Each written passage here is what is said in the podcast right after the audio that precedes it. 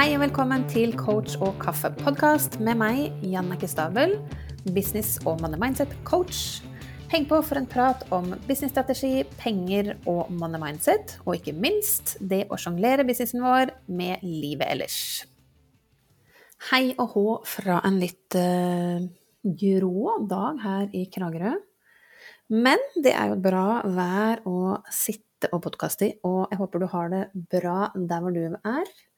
Og så skal vi ikke snakke om været i denne podkasten, men i denne episoden så handler det om pengepersonlighet og det verktøyet jeg bruker når jeg jobber med kunder i businessen min, nemlig pengearketyper og coaching rundt det.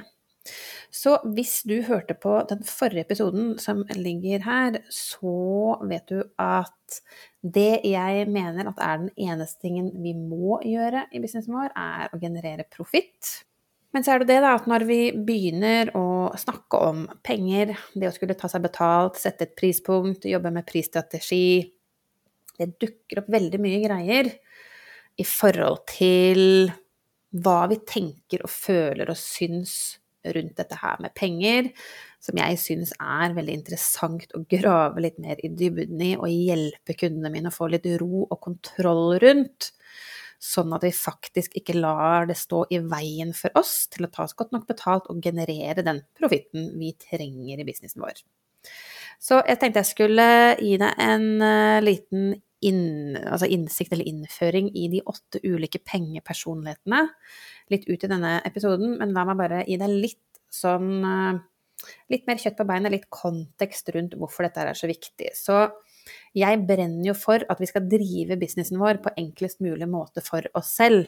Det betyr jo ikke at det alltid hver eneste dag er enkelt å drive en business, men hvis du kjenner etter nå, der du er i businessen din, er du i alignment? Er du i, på en måte, i zen, eller hva jeg skal si, i businessen din? I, i, og da mener jeg den tjenesten, eller de tjenester du leverer per dags dato.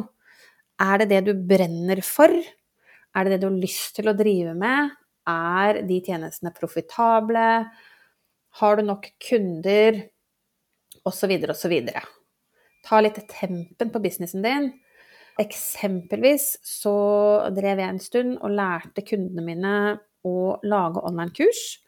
Og isolert sett, når jeg jobba med kunder, så syntes jeg det var veldig gøy. Gøy å se gjennombrudd, og at de lagde Fikk disse kursene opp å stå, og lagde de sammen med betakunder osv. osv. Men jeg hadde hele tida i bakhodet at dette her er ikke det jeg egentlig brenner for. Så det var helt greit men jeg kjente at det var noe annet for meg, uten at jeg visste hva det var. Jeg hadde ikke landa i at jeg skulle jobbe med det jeg nå jobber med. Hjelpe kunder å skape profitt. Så begynn der, og du vil, du vil, vi skal snakke om dette med vi, hva vi tenker og hvordan vi føler oss. For det, det, er ikke sikkert at du logisk har en sånn Ja, jeg vet, det er ikke dette her jeg vil drive med, men jeg vet eksakt hva. Men, men kjenn etter. Kjennes det greit ut? Eller kan det være sånn f.eks. at uh, en naturlig, veldig naturlig ting som vi alle tror jeg gjør til en viss grad, er jo det å se oss rundt. Hva er det som rører seg i markedet? Spesielt det som Hvis det er noen andre som driver med noe av det samme som du gjør, og du ser at dette går veldig bra, for det er jo en god ting at noen andre får til, har kunder, tjener penger, skaper profitt i businessen sin i noe av det samme som du gjør. Det betyr at markedet er til stede. Så det er en god ting. Men så, så, er det dette med at ja, eh, det ser sømløst ut for dem. Og så prøver man da å selvfølgelig ikke kopiere noen, aldri, aldri gjøre det, naturlig nok, men det å la seg inspirere og kanskje la seg liksom dras litt i den retningen, da. Og prøve å levere en samme type tjeneste, og så funker det ikke for en selv. Så kan det rett og slett bare være at du har andre styrker å lene deg på.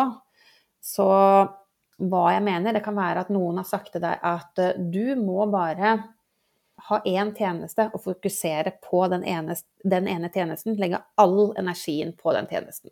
Mest sannsynlig, hvis du har hørt det fra en business coach f.eks., så gjør nok antagelig vedkommende det selv.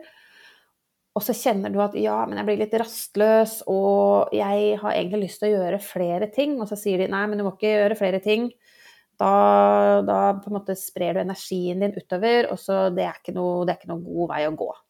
Nei vel, tenker du. Eller i motsatt fall. At det resonnerer veldig for deg, men så har du hørt at eh, Eller sett da en annen coach der ute, f.eks., som har kanskje et signaturprogram, en signaturtjeneste, men så sier du at du kan prøve det.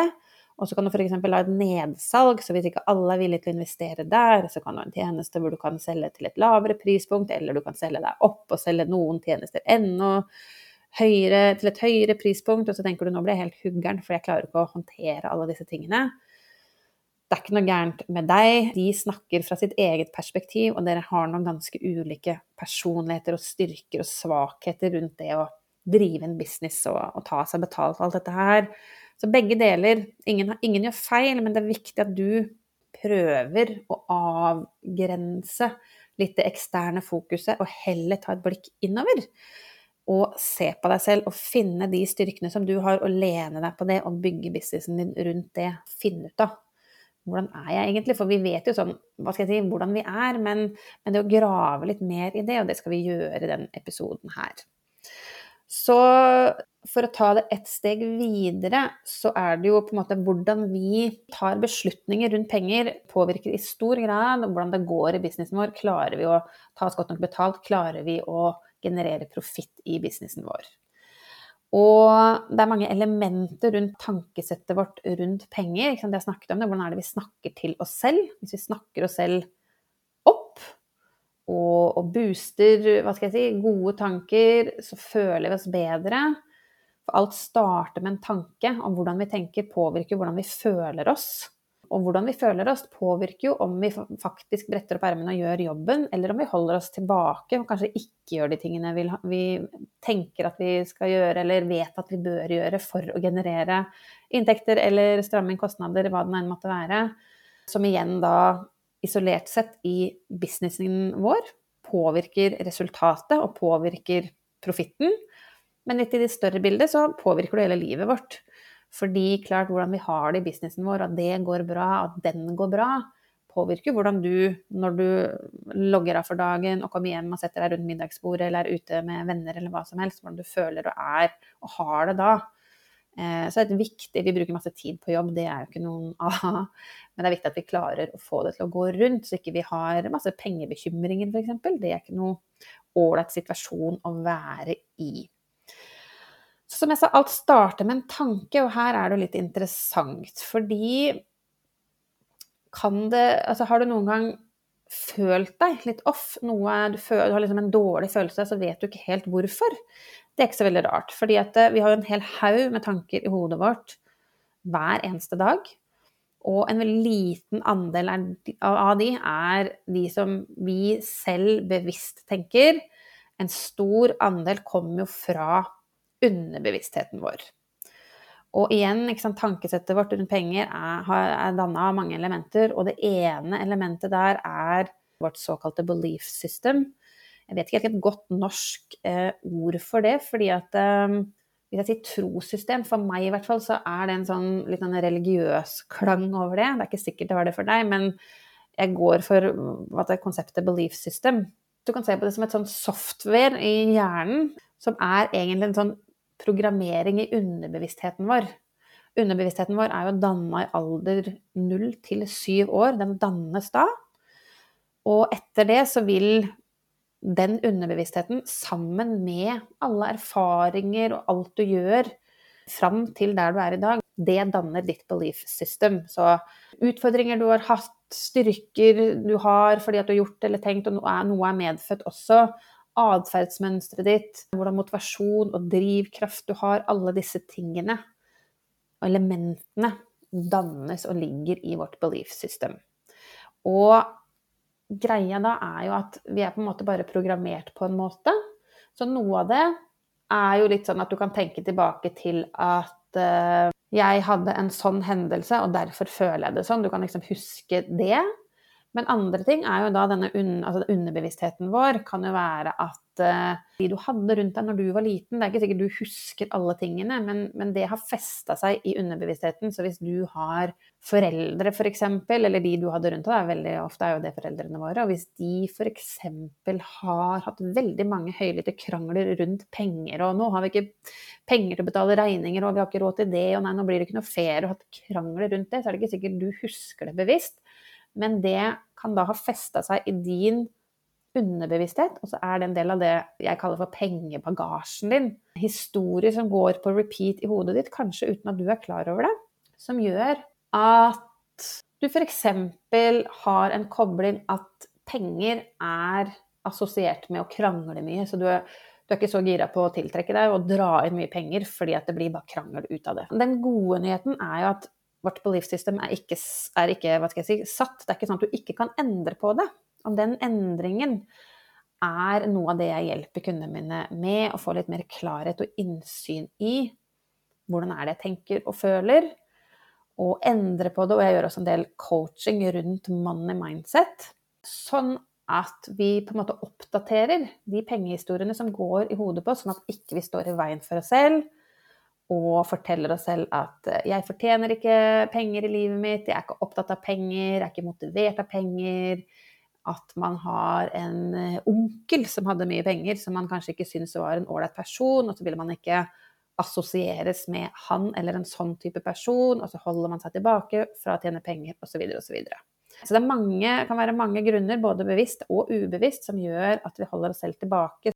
Det er litt av grunnen til spesielt denne ubevisste disse ubevisste blokkeringene er jo det er veldig dumt å på en måte spenne ben på seg selv uten at man er klar over at man gjør det. Så for min del, f.eks.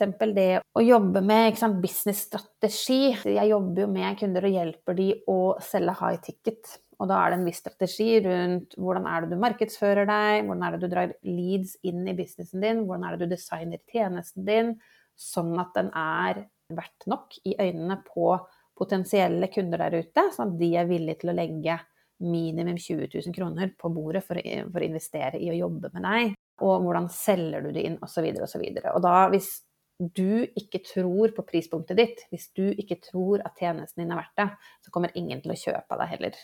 Så du, du, må bygge den troen på deg selv. Så det er på en måte mindset-coachingen rundt det. Fordi jeg kan fortelle deg så mye strategi jeg bare vil, men hvis du ikke tror på det, så vil du heller ikke ta den strategien til deg og implementere den i businessen din. Så for meg så er det en sånn todelt greie at vi må ha strategi på plass, vi må ha businessstrategier for hvordan vi driver businessen vår, men vi må også bygge et solid tankesett så vi ikke holder oss tilbake. Så som jeg nevnte, jeg bruker jo da et verktøy som Altså disse pengearketypene, det er min coach, mm, business coach og money mindset coach og mentor, Kendal Summerhawk, som har utviklet dette systemet med disse pengearketypene.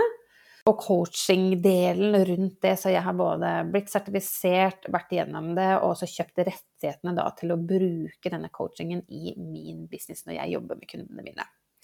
Så nå, la oss hoppe over i det som er litt mer spennende, disse åtte pengepersonlighetene, og se om du kan tenke etter hvem av disse her er deg? Er det noen som resonnerer veldig for deg, og er det noen som du tenker at dette er jo i hvert fall ikke meg? Og det er jo ikke sånn at noen av disse pengepersonlighetene er bedre rusta til å snakke om penger, være komfortabel rundt penger, ta seg betalt. Det ligger styrker, det ligger noen X-faktorer, og det ligger noen utfordringer i alle disse her. Så det handler bare om å bli bedre kjent med sin pengepersonlighet. Og det er, som jeg sa, det er åtte stykker av de. Når jeg jobber med kunder, så gjør de en personlighetstest, egentlig ganske standard personlighetstest, men som er orientert inn mot penger. 64 spørsmål som man svarer på, og utfallet da er at man får en score for alle disse åtte. Og så er det de tre der man får høyest score, som utgjør pengepersonligheten. Og hvor, man, hvor, jeg bruker da og, og ser på styrkene og, og, og utfordringene sånn, basert på disse tre. Det er jo ikke en én-til-én vitenskap, så noe vil absolutt ikke resonnere for deg. Det er jo helt greit, sånn er det jo med alle personlighetstester. Men man får et, et ganske greit bilde av det og kan jobbe mer med. Og Kanskje trenger du grensesetting, kanskje trenger du å stramme inn her, kanskje trenger du å lene deg mer inn i denne retningen, osv., osv. Og da er det den du har helt på topp, som er helt sånn styrende og drivende, men så blir det for endimensjonalt å bare ta høyde for én. Det er derfor man tar eh, høyde for å, at, at, det er de tre øverste, de topp tre er de som utgjør pengepersonligheten din. Jeg tenkte jeg skulle gi deg en gjennomgang av disse her nå. Jeg går bare gjennom egentlig mm, alfabetisk. Enkelt og greit.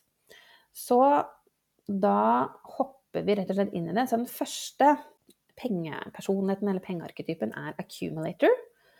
Og den kan du også kalle for sant, your inner banker. Og bare det sant, er ganske sånn lett å forstå, men handler om å være er ofte da fornuftig og nøysom med penger, flink til å spare, men kan dra over det å bli litt sånn gjerrig. Så f.eks. det å investere i ting. Beslutningsprosessen også tar litt lang tid, og noen ganger så holder man seg igjen, så man er ikke like villig til å, å investere, legge penger på bordet først, for å få noe tilbake. Return on investment har du sittet i en situasjon hvor du ikke ser i businessen at nå trenger jeg hjelp til markedsføring, til salg, til å ta meg betalt high ticket eller noe sånt, og så ser du at noen der ute kan hjelpe deg, men så er du litt sånn Å, du holder veldig igjen for å, å investere. Kanskje du har accumulator-energi i deg. En av de tingene du må jobbe med da, er å på en måte prøve å slippe det, og kanskje ikke lytte til den delen som sier 'hold igjen'. Men det vil være litt mer ukomfortabelt for deg kanskje å faktisk investere. Jeg har jo helt nesten motpolen av det på topp. Jeg, har, jeg kommer til den etterpå, rebellen. Men for meg er det mer en sånn Jeg har kortere beslutningsprosess. Og har, de gangene jeg har investert high ticket, så har det vært ganske sånn no-brainer med en gang. Og det har tatt kort tid på å ta den beslutningen. Men det betyr ikke at jeg ikke har hatt vondt i magen når jeg har gjort det. Så det er ukomfortabelt selv for meg, men da for en accumulator så sitter det der litt mer, altså litt lenger inne, da. Eh, men god til å spare penger, um, og flink med penger og sånn. Men, men beslutningsprosessen også, det å ta beslutninger i business er jo viktig. Evnen vår til å komme oss videre og ikke sitte på gjerdet. Så når jeg jobber med accumulator, så er det en ting jeg må være obs på, at her må jeg kanskje pushe på litt for å få en beslutning. Så det er på en måte min jobb som coach, og det er mye lettere for meg. Det har blitt en sånn åpenbaring når jeg finner ut av hva slags type personlighet og pengepersonlighet kundene mine har. For da vet jeg litt mer hvordan jeg skal om jeg skal pushe eller holde inn, eller, eller hva da. Så det er litt sånn kort om uh, accumulator, og um, ja, kjenne etter om det kan være deg. La oss hoppe til neste, som er alkymisten. Alkymisten står for transformasjon. Så ofte, i og med at jeg jobber mye med, med veiledere og coacher og, og den type profiler, mange av de jeg jobber med, har alkymisten blant sine topp tre. For transformasjon er Det å skape endring er jo det mange av dere gjør for kundene deres. Og også det er det der å være, ha mye ideer, veldig idérik. Typisk for alkymisten. Ser muligheter og er flink til å heie på andre. Men så har man kanskje et litt mer sånn, hva skal jeg si, ambivalent forhold til det med penger. Litt sånn ja, elsk-hat-forhold til penger, så er man kanskje mer opptatt av å ytre ideene sine enn å dra penger inn i kassa, kanskje. Og er vel litt glad for noen ganger at hvis du kan få hjelp og kanskje lene deg litt på andre hva gjelder liksom, økonomisk innsikt og oversikt. Jeg er kanskje ikke den som har best oversikt på det. Kan du kjenne deg igjen i det? Åssen er situasjonen i din business i dag? Er du opptatt av dette med å skape endring? Har du mye ideer? kreativ, kan det godt hende at du har litt accumulator, nei, litt uh, alkymisten i deg. Så er det nummer tre, og det er den som heter celebrity, på, på godt altså på engelsk.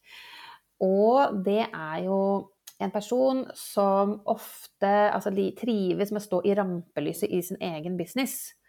Så det å hoste større eventer, foredragsholdere, men er også da glad i det litt mer lyksige. Så denne pengepersonligheten har ofte en tendens til å kanskje bruke mer penger enn det, det, det man burde, eller det, som, det, man kanskje har tilgjengelig.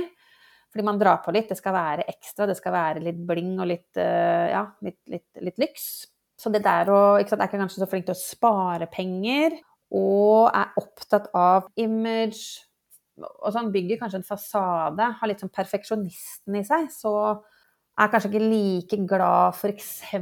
litt sånn praktisk da, å gå i stories og dele behind the scenes. Det gjelder både celebrity, men også accumulator, som jeg snakket om helt innledningsvis er litt sånn Er ikke så glad kanskje i å dele ting, og at ting ikke er helt på stell. Og det å dele litt av hva som skjer behind the scenes i businessen, er en fin måte å bygge brand på. Så det kan være en utfordring for både celebrity og accumulator. Som de gjerne da må jobbe mer på, legge mer fokus på, åpne litt opp, slippe litt perfeksjonisten i seg. Selv om accumulator og celebrity er jo helt også motpoler. Fordi celebrity bruker mye penger og, og sånn, mens mens accumulator holder jo litt igjen. Så har vi den fjerde, og det er connector, altså relasjonsbyggeren. da. Er, er god på å, å, skape langsiktige, solide relasjoner, veldig tillitsfull. Stresser ikke sånn veldig nevneverdig over penger. Og kan til tider kjenne at dette med penger kan være litt overveldende. Men du setter jo folk foran, og jeg husker i våres så jobba jeg med en som var connector, og jeg sa det relasjonsbyggeren, og så sier hun ja, det kjenner jeg meg ikke igjen i, fordi jeg er jo introvert og føler meg jo ikke komfortabel i disse større settingene. Men du kan fint være veldig god på relasjonsbygging og være en introvert connector. Det betyr bare at du er kanskje ikke hva skal jeg si, the life of the party, men du står litt i i, i ytterkant, der hvor det er en setting hvor man mingler, f.eks. Men da er jo du god på å spotte de andre som også står i ytterkant. Når vi fikk gravd litt mer i henne og hvordan hun er, så sier hun ja, jeg er jo veldig god Eller ikke veldig god, hun sa ikke det, men jeg er veldig komfortabel eh, i én-til-én-setting, som er et godt poeng. Så en, en introvert og en, og en ek, ekstrovert connector vil vil eh, ta kontakt med og bygge relasjoner og, og sånn på ulike måter. En introvert connector vil jo være veldig god og kan passe veldig godt i mindre grupper og gjerne én-til-én-coaching f.eks. Så det er jo businesscoacher der ute som kanskje sier at i begynnelsen i businessen din bør du coache én-til-én, fordi det er en kjempefin måte å bli kjent med, med kunder og idealkunden din etter hvert, men så må du skalere, og så må du slutte med én-til-én-coaching. Og jeg tenker nei, kanskje du skal ha det i businessen din hvis du er en introvert connector og er veldig god på det og føler deg igjen. Hvordan føler du deg? Føles det lett og ledig for deg? Ja vel, kjør prispunktet litt opp. Én til én bør være et høyere prispunkt uansett. Så hvis du kan tenke det der bildet å skape profitt, så er det en fin måte. Og det er ikke nødvendigvis sånn at du må slutte og må skalere og begynne å kjøre gruppecoaching. Men du kan, du kan jo bli komfortabel med det og kanskje ha gruppecoaching i mindre grupper. ikke sant, Coache tre-fire stykker. Kanskje du ikke vil ha ti-tolv stykker i coachinggruppa di. Så igjen, you do you, og finn ut av. Men, men ja, en uh, introverte connectors funker som bare det. De er gode relasjonsbyggere, bare opererer på en litt annen måte enn en extrovert connector. Så det er jo litt sånn i forhold til penger, så kan de ofte føle at de ikke, at de ikke føler seg så veldig sånn har så god greie på og styr på kontroll på økonomien i businessen sin, og gjerne vil ha hjelp og litt støtte til det. Og da igjen sant, at man tar på litt sånn skylapper og lar være å se på økonomien i businessen sin fordi at man ikke helt føler at man har oversikten. Så det er en utfordring, kan være for Connector. Så det har vært gjennom de fire første accumulator, alkymisten, celebrity og connector. Og nummer fem da er Maverick, eller Rebellen. Det er den jeg har på topp som er Altså, jeg klarte ikke helt å resonnere med en gang jeg skjønte det, for jeg tenkte OK, det som kjennetegner rebellen, er jo det å ta, være villig til å ta økonomisk risiko. Og da tenkte jeg rett i sånn gambling og sånn, det er jo ikke meg i det hele tatt. Men det der f.eks. å investere high ticket, det å legge penger på bordet, og ganske mye penger, ikke sant? legge 30 40 50 000 kroner på bordet, som jeg har gjort de gangene jeg har investert i Kendal, i, i Sigrun, i Lauren Tickner. Eh, og jeg i hvert fall i begynnelsen ikke hadde de pengene, så jeg lånte det. Det er jo en risiko, men det var en no-brainer for meg. Og jeg tenkte dette er eksakt det jeg trenger nå. Denne coachen kan hjelpe meg til å raskt få på plass det jeg trenger, sånn at jeg kan gå videre i min business og få return on investment, som jeg jo da har hatt. Flere gangene har jeg jo da fått tilbake investeringen, altså halve investeringen i den første kunden jeg closa etter at jeg gikk inn og begynte å jobbe med denne coachen. Så det har vært litt sånn ah, ok, det resonnerer for meg. Der er jeg villig på en måte til å ta risiko i, i, i den konteksten. Eh, og så er jeg veldig sånn, ikke sant, en leap of faith. Bare det å hive seg uti det, og det er noe av det jeg brenner for. Gå før du er klar. Og det har vært litt sånn slitsomt. Noen ganger har jeg tenkt hvorfor, hva er det som er gærent med meg? Hvorfor driver jeg bare og går før jeg er klar? Men det ligger jo helt i min natur, og det er effektivt i den måten at ja, det er litt vondt å gå før man er klar, for ting er jo ikke, ikke er jo ikke klart enda. Det ser ikke helt ut sånn som jeg ser for meg i hodet mitt. Men jeg er villig til å, å, gå ut der og snakke om en tjeneste eller sånn før den er klar, og optimalisere og justere underveis. Og dra inn kunder før det er 100 Jeg har jo ikke noe perfeksjonist i meg f.eks. Men det, når du, når, du, er villig til å ta risiko, så kan du også ofte så Faren her og ulempen for en Maverick er jo at du kan sette, altså sette hele økonomien din på spill. Og tilbake i den tiden hvor jeg var ansatt i corporate-verden, så har jeg f.eks. en gang sagt opp jobben min uten å ha en ny jobb å gå til. Det betyr at jeg kutter inntektsstrømmen inn og ikke har noen eh, Jeg vet ikke hvor neste lønning skal komme fra. Det er også en risiko å ta, men jeg har vært ganske trygg på at jeg får meg en ny jobb. Jeg er ikke villig til å jobbe her lenger, og jeg får meg en ny jobb. Og så har jeg landa på beina, eh, stort sett. Det, men det er en typisk eh, rebell. Og en accumulator vil jo få helt vondt i magen av tanken, og ville nok aldri sagt opp jobben sin før man har noe nytt å gå til. ikke sant? Så det er litt sånn hvordan man er ulike, da. Eh, jeg hadde ikke så mye stress rundt det. En accumulator ville nok hatt veldig mye høyere skuldre og ikke klart å stå i den prosessen, kanskje. Så har vi den neste, og det er den omsorgsfulle. Og litt sånn når du er, ligger jo litt i naturen. En, en, som er omsorgsfull, er jo kanskje det viktigste for den omsorgsfulle er å hjelpe andre. Og det er det fokuset. Være gjeldsom, bidra, eh, er sjenerøs. Og mer, har mer fokus på det enn å dra penger inn i businessen nødvendigvis, hvis det er den som driver og er den ledende hos deg. Sånn, sånn klassisk utfordring da, for den omsorgsfulle, eller for nurture, er at man overleverer og underpriser tjenesten sin. Fordi man hele tiden gir det lille ekstra, gir mer. Eh, har kanskje en tendens til å, å gi rabatter. Gir veldig mye verdi, som man selvfølgelig skal gjøre. Eh, det er jo en sånn en no-brainer for en nurture å gi mye verdi, men så kanskje, har kanskje ikke det fokuset på å dra penger inn. Som, som, kan da være en utfordring. Litt sånn søskenbarnet kanskje til connector, relasjonsbyggeren. Men den omsorgsfulle er gjerne fornuftig med penger.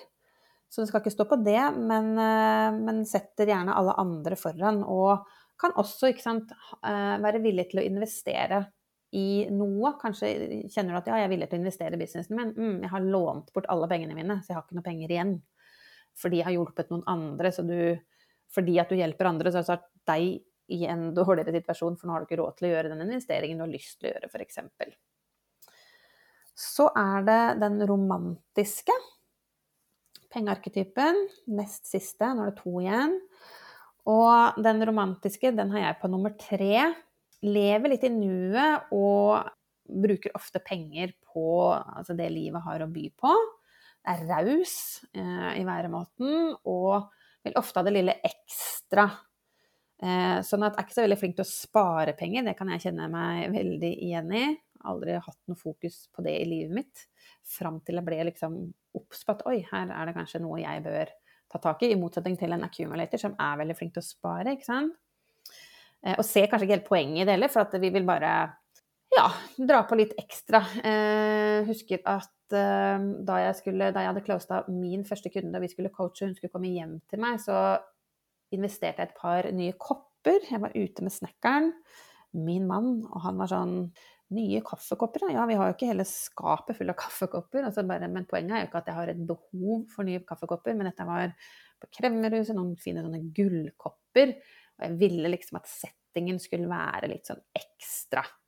Så ikke like liksom ut der som celebrity. Jeg er ikke opptatt av at det skal være en, et spesielt merke på de koppene. Det var noen billige kopper på Kremmerhuset, men de så veldig fine ut. Lille ekstra i hverdagen. Sprite opp litt. Så typisk sånn også er at hvis du hoste et event, og du har litt uh, the romantic i deg, så er du ikke opptatt av at de bare skal ha en kladdebok å skrive på, men den skal gjerne se litt fin ut i tillegg.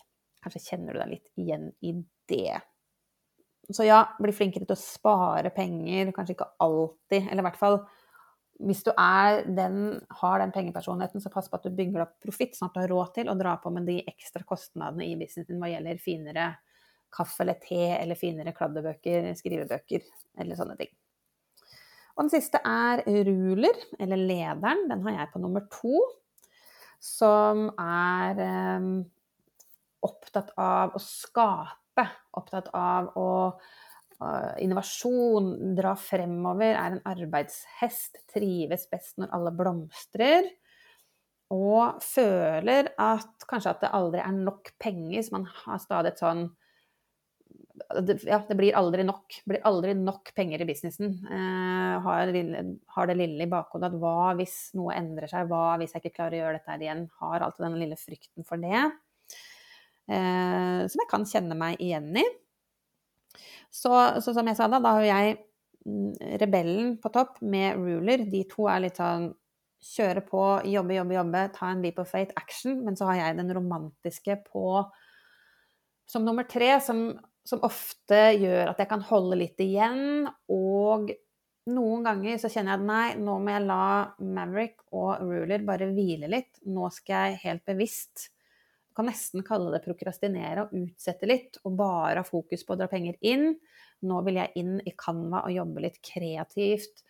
Eh, som jo kanskje vil hjelpe meg på sikt, men det er ikke direkte en inntektsbringende oppgave å sitte i Canva eller å flikke på en hjemmeside. Men noen ganger så lar jeg meg selv gjøre det og, og, og buse litt energi, og jeg lar den romantiske få, få, ta litt plass. Og så vet jeg at Ruler og Maver kommer tilbake og plukker opp igjen og setter opp tempoet igjen og har fokus på å få penger inn i kassa igjen. Så det er litt sånn hvordan mine tre typer spiller på lag, veldig sånn kort fortalt, da. Um, så nå er jeg veldig nysgjerrig på Fikk du noen sånn formening om hvem er det du har på topp, tror du? Er det noen her som resonnerer veldig, eller ikke? Jeg kan linke i shownotes til hvordan du kan jobbe med meg hvis du vil gjøre en money reading f.eks. Og finne ut av hvordan spiller din, dine tre pengearketyper sammen. Og gjøre en, en slags evaluering i businessen din. Hvor er du nå, og hvor vil du? Hva skal du være obs på, og hvor er det du kan lene deg på styrkene dine? Gjøre en slags gap-analyse og en actionplan i forhold til det. For å, ja, å bli bedre kjent med, med din pengepersonlighet, sånn at du du ja, sånn at du lener deg på styrkene dine og ikke holder deg tilbake. Eh, og finne ut av hvor er det du har en tendens til å holde deg tilbake. Du for, bruker du for mye penger? Må du stramme inn på, på, kostnadene dine? Hvilke rutiner må du ha på plass der? Er du en nurturer kanskje som sier ja, og så tenker du nei? Fordi at du føler at du må hjelpe. Og så trenger du kanskje å få på plass bedre grensesetting i businessen din, osv. osv. Og, og tagg meg gjerne. Instagram er der jeg er aller mest. At Jannicke Stabel. Send meg en melding, eller ja, tagg meg i stories, f.eks. Jeg vil veldig gjerne høre fra deg. Eh, har du spørsmål? Er du nysgjerrig? Eh, har du noen innspill? Og så videre og så osv. Men for at ikke denne episoden blir altfor lang, så runder jeg av der. Jeg skal snakke mer om pengepersonlighet og pengearketyper selvfølgelig i denne podkasten. Eh, og så høres vi i neste episode, hvor jeg har en fin samtale om både pengepersonlighet, men også human design i businessen din og i livet generelt. Så få med deg den. Takk for at du hører på Coach og kaffe. Og hvis du liker det du hører, blir jeg supertakknemlig hvis du kan sette av et lite minutt til å gå inn nå og gi meg en god rating, så flere som deg kan dra nytte av denne podkasten. Og med det så gleder jeg meg til vi høres i neste episode.